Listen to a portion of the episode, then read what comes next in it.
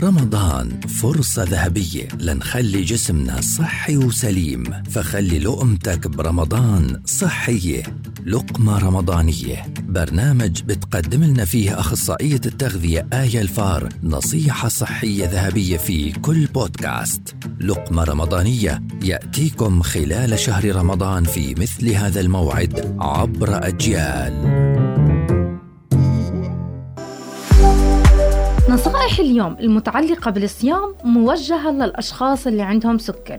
ضروري في البداية نستشير الطبيب لمناقشة حالتنا الصحية ونعرف أي تعديلات لازم نعملها بخصوص أنواع أو جرعات أو مواعيد الأدوية اللي بنعتمد عليها.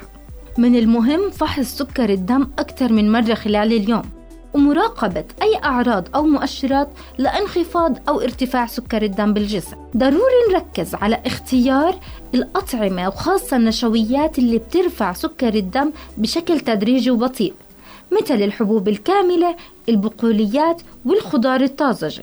ونقسم وجباتنا. يعني نتناول وجبتين أو ثلاث وجبات صغيرة موزعة بدل ما نعتمد على وجبة السحور أو الإفطار فقط.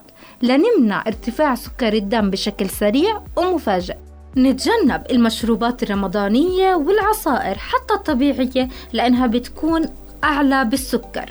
ونعتمد على المي كمصدر أساسي للسوائل. وأخيرا نستمتع بحصة الفواكه مع حليب أو لبن أو مكسرات لحتى نضبط ارتفاع السكر اللي ممكن الفواكه تسببه. تابعونا لمزيد من النصائح والإرشادات المتعلقة بصحة وتغذية أفراد العيلة ضمن برنامج لقمة رمضانية. معي أنا أخصائية التغذية آية الفار